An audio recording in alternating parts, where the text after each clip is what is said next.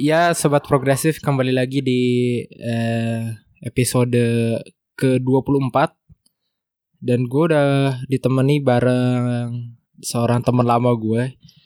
Sebenarnya yang temenan mama-mama kita ya. Iya.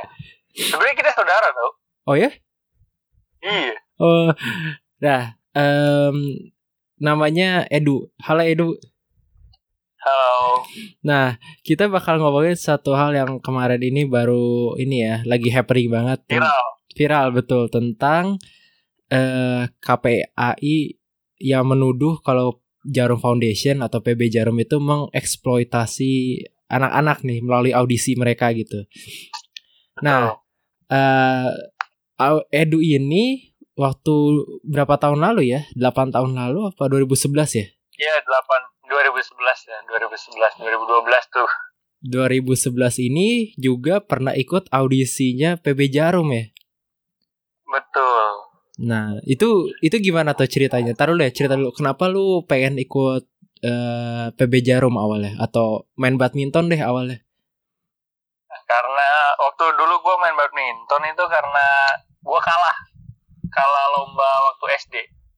Hah? Gue kalah, gue ya, gue tuh kan sebelumnya di Karawang. Hmm. Nah, waktu itu kalah tuh lomba SD. Gue gua kalah tuh karena gue sakit hati aja. Gue tahu itu bolanya mau ke mana, cuman gue nggak tahu harus gimana kejarnya itu bola. Hmm. Jadi gue sakit hati aja. Nah, waktu gue sakit hati, gue bilang sama orang tua gue, gue bilang, Pak, gue mau badminton.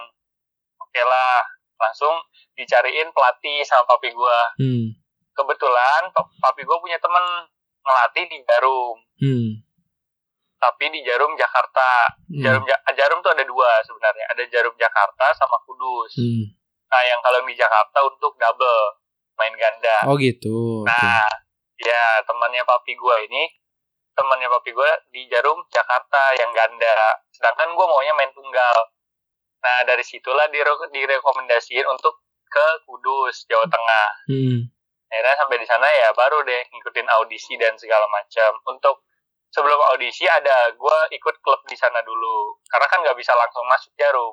Klub di mana tuh di daerah Kudus juga? Dia daerah Kudus juga. Tapi itu yang punya klubnya pelatih Jarum juga. Oh gitu. Ya, yang sekarang yang sekarang juga ngelatih, tapi sempat jadi staff manajernya Jarum. Jadi gue berlatih di sana dulu selama beberapa tahun, baru saya ke audisi Jarum. Oh. Audisi Jarum 2011 pertama kali. Oh, ya 2011, 2012. 2011 pertama kali. 2011 tuh berarti waktu itu lu umur berapa ya? Umur 12, oh, dia 12. Umur 12. Oh. Umur 12-an dia. Memang rata-rata pe- apa pesertanya umur segitu ya? Iya, ya enggak sih, terbanyak banyak banyak banyak banyak apa banyak banyak kategori umur. Ada yang 10, ada yang 11, 12 gitu. Oh. Itu kan berdasarkan kategori, kategori. Oke oke.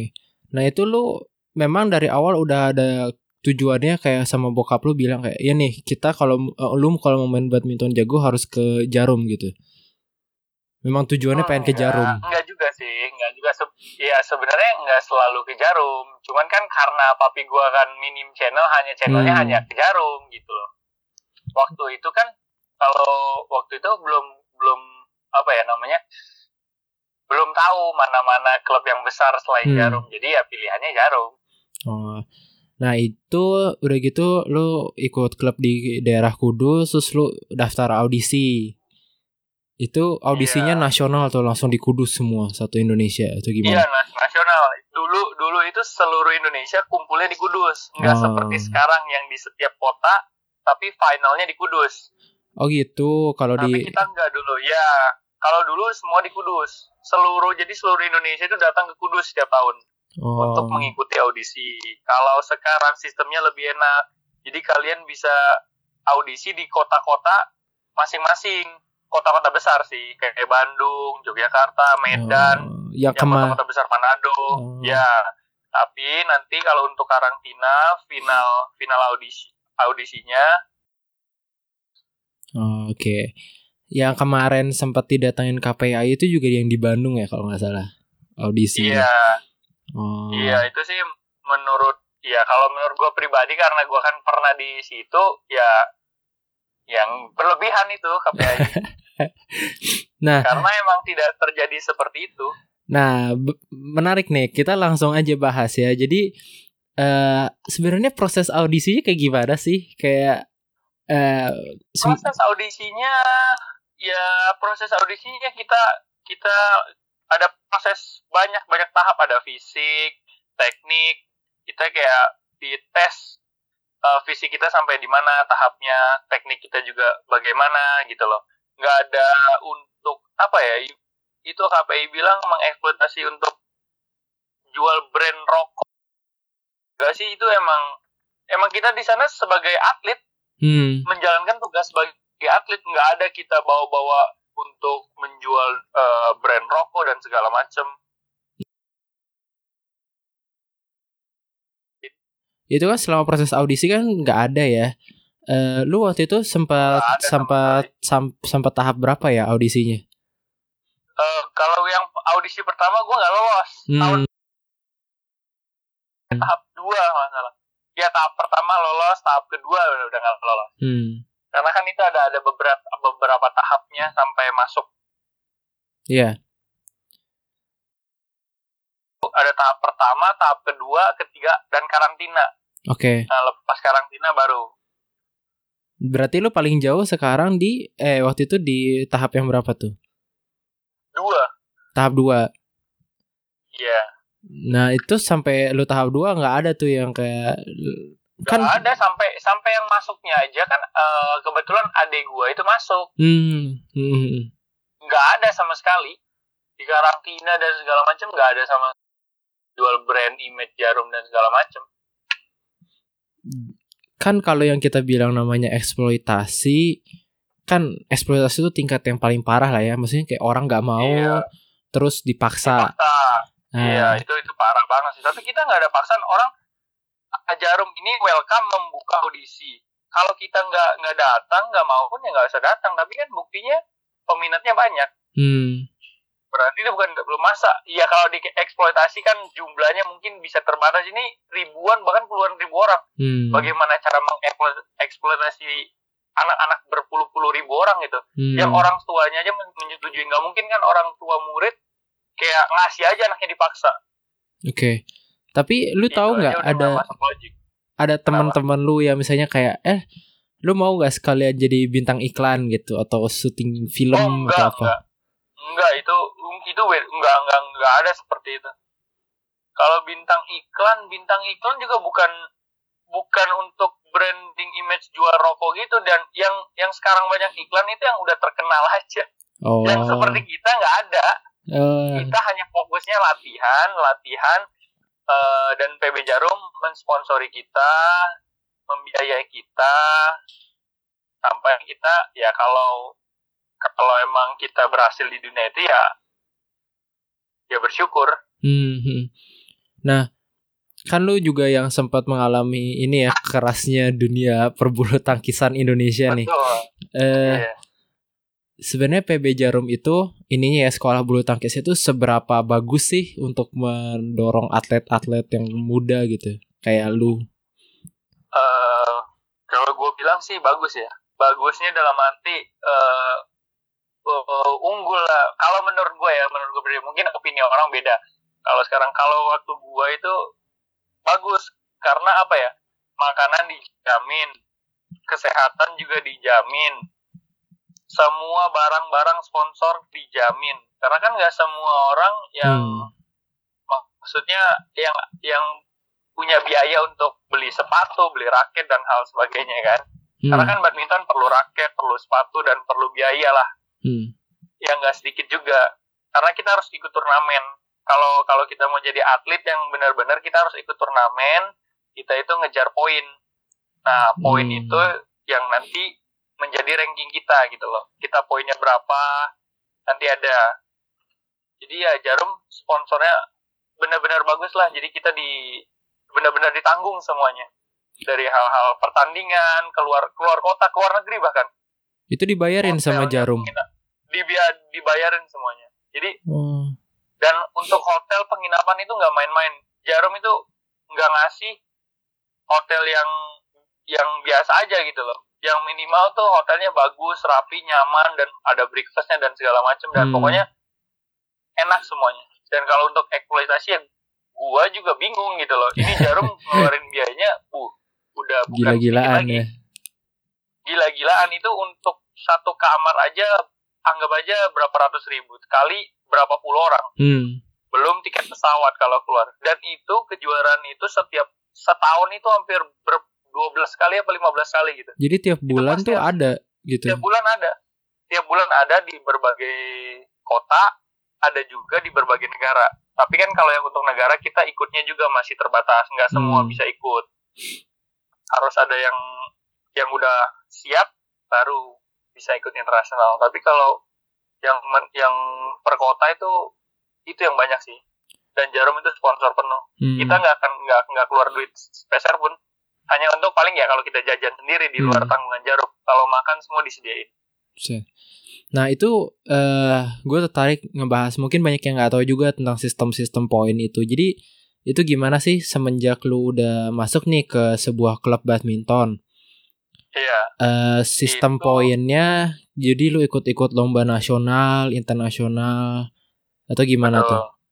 iya betul jadi kalau kita udah menyetujui kalau kita mau jadi atlet yang serius kalau mau benar-benar mau menjadi atlet itu kita hitungannya poin. Jadi di PBSI sendiri ada ranking nasional. Nah setiap Hmm. kita misalkan kita contoh kata kita di PB Jarum. Nah kita kita daftarin diri kita ke PBSI ya nama kita tahun lahir kita. Tahun lahir itu karena kita nanti bakal ditentukan di kategori, di kategori mana kita akan main. Remaja Oke. anak-anak taruna dewasa. Oke. kalau dewasa itu udah bebas 19 tahun ke atas. Hmm. itu bebas sama siapa pun.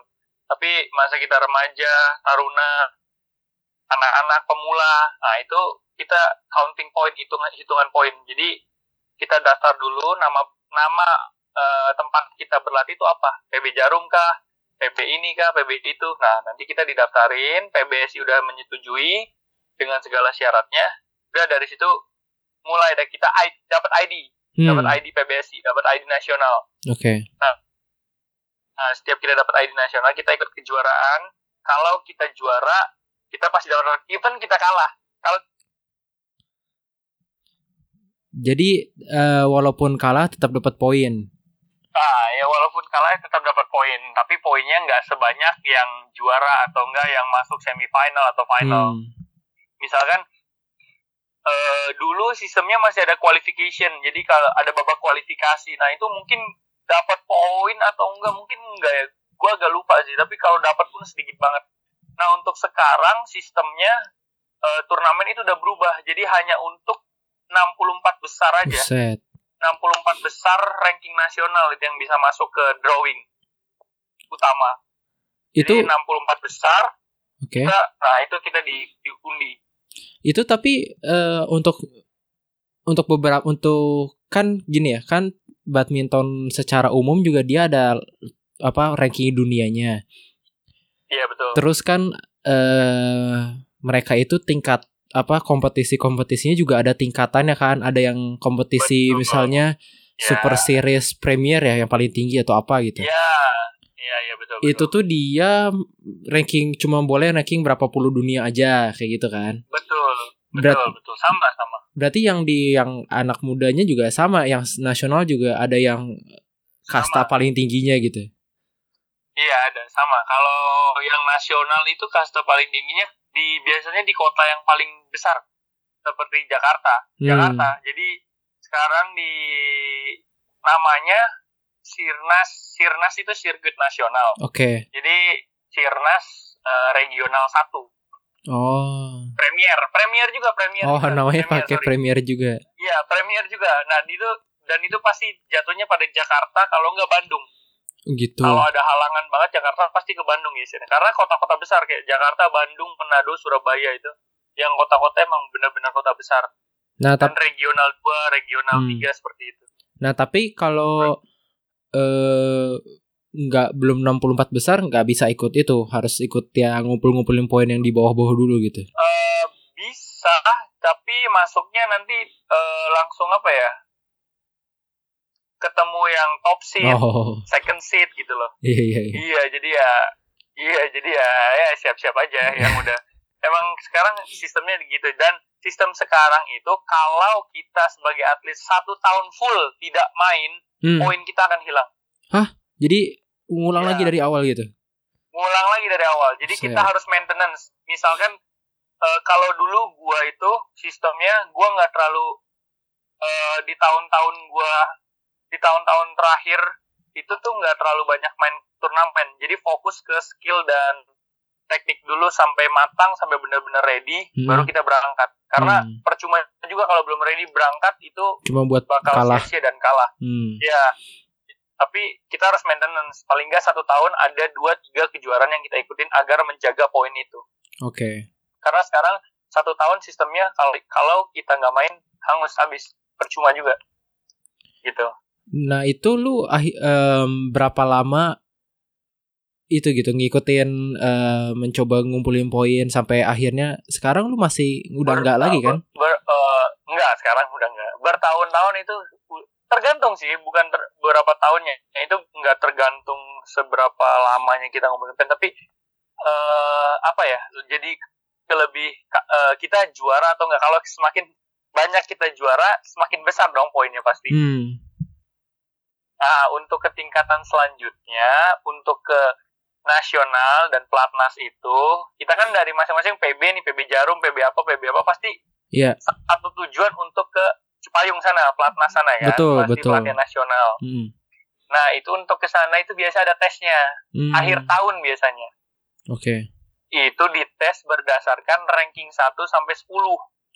Oh jadi yang boleh tes pun cuma 10 orang gitu. Iya, Oke. ya 10 kalau paling-paling ada kuota, kalau masih ada kuota tambahan 1 sampai 16. Oh. Terus ditandingin. Iya, gimana? di, di tes di sana. Enggak, enggak, enggak cuma ditandingin. Jadi kayak Oh. banyak ada tes fisik, tes tes uh, mentally, ada banyak banyak sebagainya lah. Hmm. Ya termasuk tanding juga di sana. Nah, nanti kita lihat di sana nah, siapa yang layak.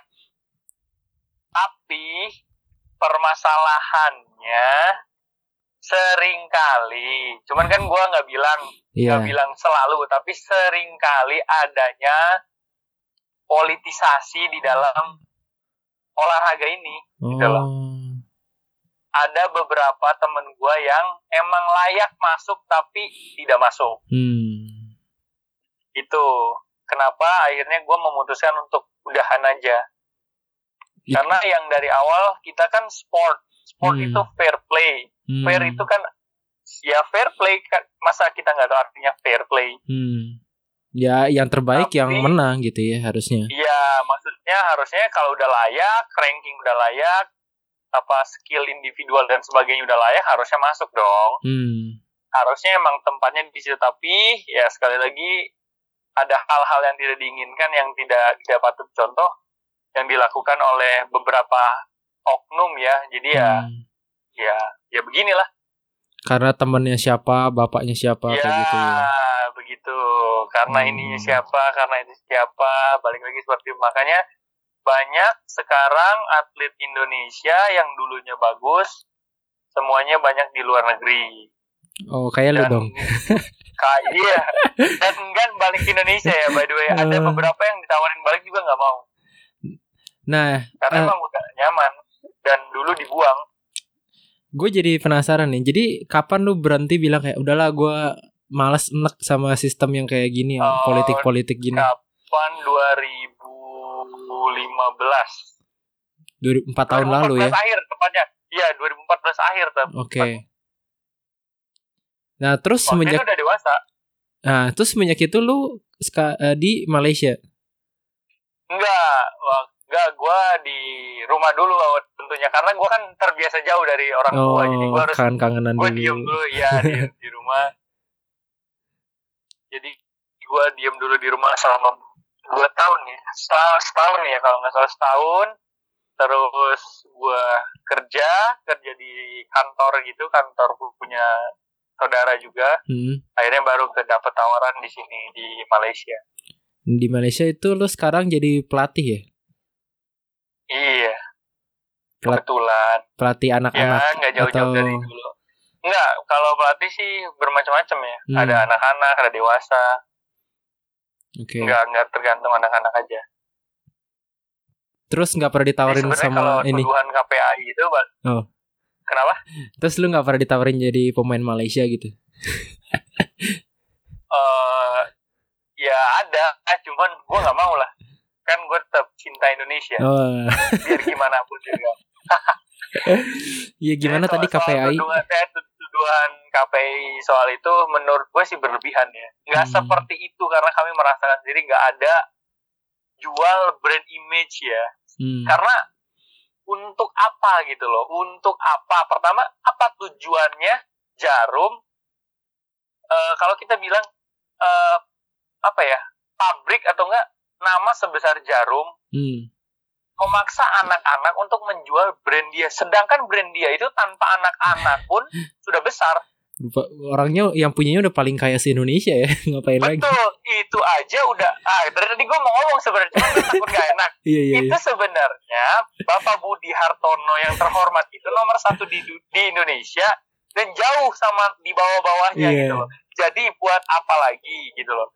Lagian juga waktu itu BCA eh Indonesia Open juga sama Jarum Hmm. dulunya Indonesia Open sekarang diganti BCA Mm-mm. karena BCA juga punya Jarum. Mm-mm. Nah emang kalau di PB Jarum ini misalkan kita udah nggak mau melanjutkan sebagai atlet pilihan opsinya bisa dikasih menjadi karyawan BCA Oh gitu. Karyawan Ya. apa nih? karyawan karyawan tetap jadi karena karena PB Jarum ya BCA sama PB Jarum sama aja yang punyanya kakak Hmm. adik aja hanya Hmm. hanya beda kakak sama adiknya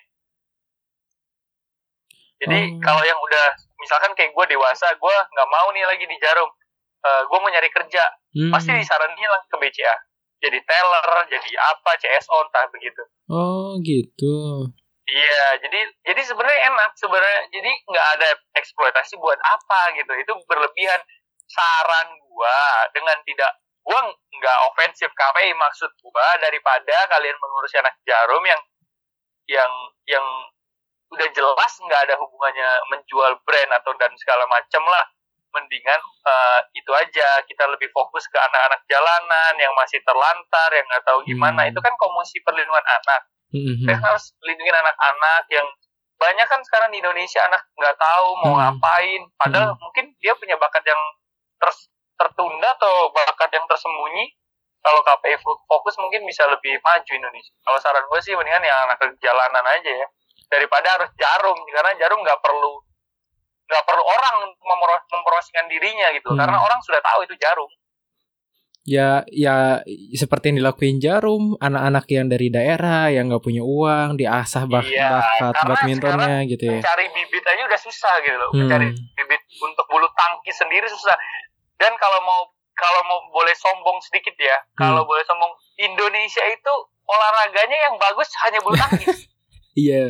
sorry itu saya bolanya ya sepak Kemarin kalah. ya, kita lihat bisa lihat sendiri ya ya kemarin kalah Iya. gua nggak nggak ngehina cuman faktanya kemarin kalah Hmm. gitu loh basket juga nggak Nggak mungkin ada. seperti yang kalian tahu NBA yang kayak ya itu kalian tahu lah Hmm. Hanya bulu tangkis yang bisa Olimpik, Hmm. Olimpiade, World Champion dan segala macam hanya bulu tangkis gitu loh. Ya paling Mungkin ada yang yang yang kita nggak tahu panah atau ada atau nggak panahan atau atletik lainnya. Hmm. Cuman kan yang paling menonjol di bulu tangkis kenapa dibikin susah gitu loh. Hmm. Sangat disayangkan sih. Nah, menurut lo sendiri bulu tangkis Indonesia di akhir-akhir gini gimana pendapat lo nih? Kayak ya gitu-gitu aja gitu. Ganda campur eh, ganda putra mulu, ganda campuran belum ada lagi yang sejago Owi Butet ya. Eh, Iya dulu. Ya kalau menurut gue sih sekarang ya ya balik lagi ke perorangannya ya. Jadi hmm, nggak bisa dibilang juga ada gim eh, merosot atau gimana. Iya memang kalau di, dilihat secara garis besar ya emang merosot jelas. Cuman kita balik lagi ke pribadi orangnya gimana dia mau atau enggak gitu. Kalau kalau gua rasa kalau mau ya pasti bisa. hmm, Karena kadang sekarang jujur aja sekarang pemain pemain pelatnas itu kebanyakan udah menjadi apa ya comfort zone. Oh. Jadi ketika lu masuk pelatnas sekarang itu beda sama dulu. Kalau dulu itu kontrak itu kita nyari sendiri, kita harus berjuang, kita harus bagus dulu. Kalau sekarang enggak.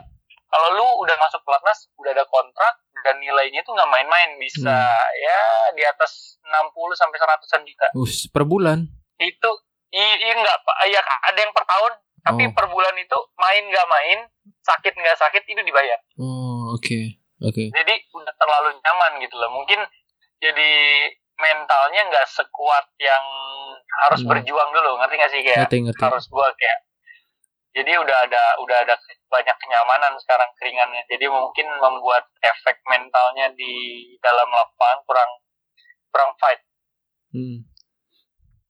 kalau tapi tapi ya bagus sih Indonesia ganda putranya masih masih bagus banget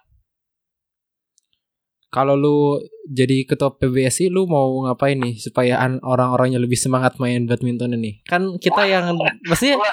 Iya pasti kan kayak gua yang suka nonton Iya. dari jauh dari Indonesia kan gua kan kayak seneng banget gitu ngeliat Indonesia mainnya gitu. Menurut Iya. lu, lu apa sih yang lu mau kayak ubah gitu supaya lebih bagus badmintonnya? gua ya gua kan karena masih minim juga pengalamannya gua Hmm. kan nggak bisa nggak berbicara gimana gimana karena gua kan masih minim banget cuman kalau gua kan ini bebas ya kan kan Bebas. kalau gua ditanya kan kalau Hmm. gua menjadi ketua PBSI yang mungkin apa ya gua gua ngerubah karena gua nggak tahu sistem yang sekarang karena Hmm, hmm. jadi gue juga susah berbicara mungkin ya balik lagi kepada atletnya sih. Atletnya sampai di mana komitmen dia untuk jadi seorang atlet. Karena seorang atlet kan nggak nggak gampang harus ngorbanin banyak hal. Hmm. ngorbanin keluarga ngorbanin sekolah pendidikan itu jadi gue gue sih nggak tahu kalau sistem apa yang dirubah. Karena gue nggak tahu sistem sekarang seperti apa gitu dan no comment juga sih sebenarnya kalau itu itu ber itu bahaya sih sebenarnya. Tapi yang Dan pasti gua kenapa? Tapi yang pasti kita setuju nggak boleh ada lagi tuh nepotisme bapaknya siapa ma- itu siapa itu itu sih mah itu menurut gua. Menurut gua iya itu sih paling yang dirubah. Nggak ya nggak boleh lagi. Itu harus fair and play. Hmm, fair play. Seperti fair play. ya balik lagi. Fair play. Olahraga itu ya harus sportif jadi jangan ada lagi seperti itu ke depannya. Semoga semoga jangan ada lagi seperti itu. Jadi jadi jadi atlet itu harus dihargain lah. Walaupun sekarang udah udah bagus Udah ya dihargai, apresiasinya iya. dari Hmm, iya apresiasinya udah udah wah gila-gilaan bagus banget man hmm, pemain pora yang sekarang tuh udah keren. Hmm, hmm. Oke deh, kita udah hampir setengah jam nih ngomongin badminton, bulu tangkis. Em, kalau ada yang pengen nanya-nanya nih tentang bulu tangkis atau pengen ikut juga PB Jarum, eh, bisa lihat Instagram lu di mana? eh, Eduardo 3 DU Eduardo 3DU ya. iya Sering sering dibuka kan Instagramnya. sering boleh Eh. kalau ada yang mau nanya-nanya Oke. Ya, paling segitu dulu aja kita ngobrol-ngobrol. Em, ya gua harap sih KPAI nggak ribut-ribut mulu ya, nyari-nyari Iya, masalah. gue juga harap Iya, gue juga harap damai-damai aja lah semua, apalagi tindakan yang positif gitu loh. Iya. Janganlah diganggu-ganggu. Kalau ya kalau tindakan positif harus didukung. Nah, mantap. Tindakan positif harus didukung. Nah, tindakan positif harus didukung. Oke. Thank you deh Eduardo, Oke. sukses buat kerjaannya di Malaysia. Semoga Amin. kita bisa Thank you. ketemu lagi kapan-kapan. buat lu. Oke. Oke.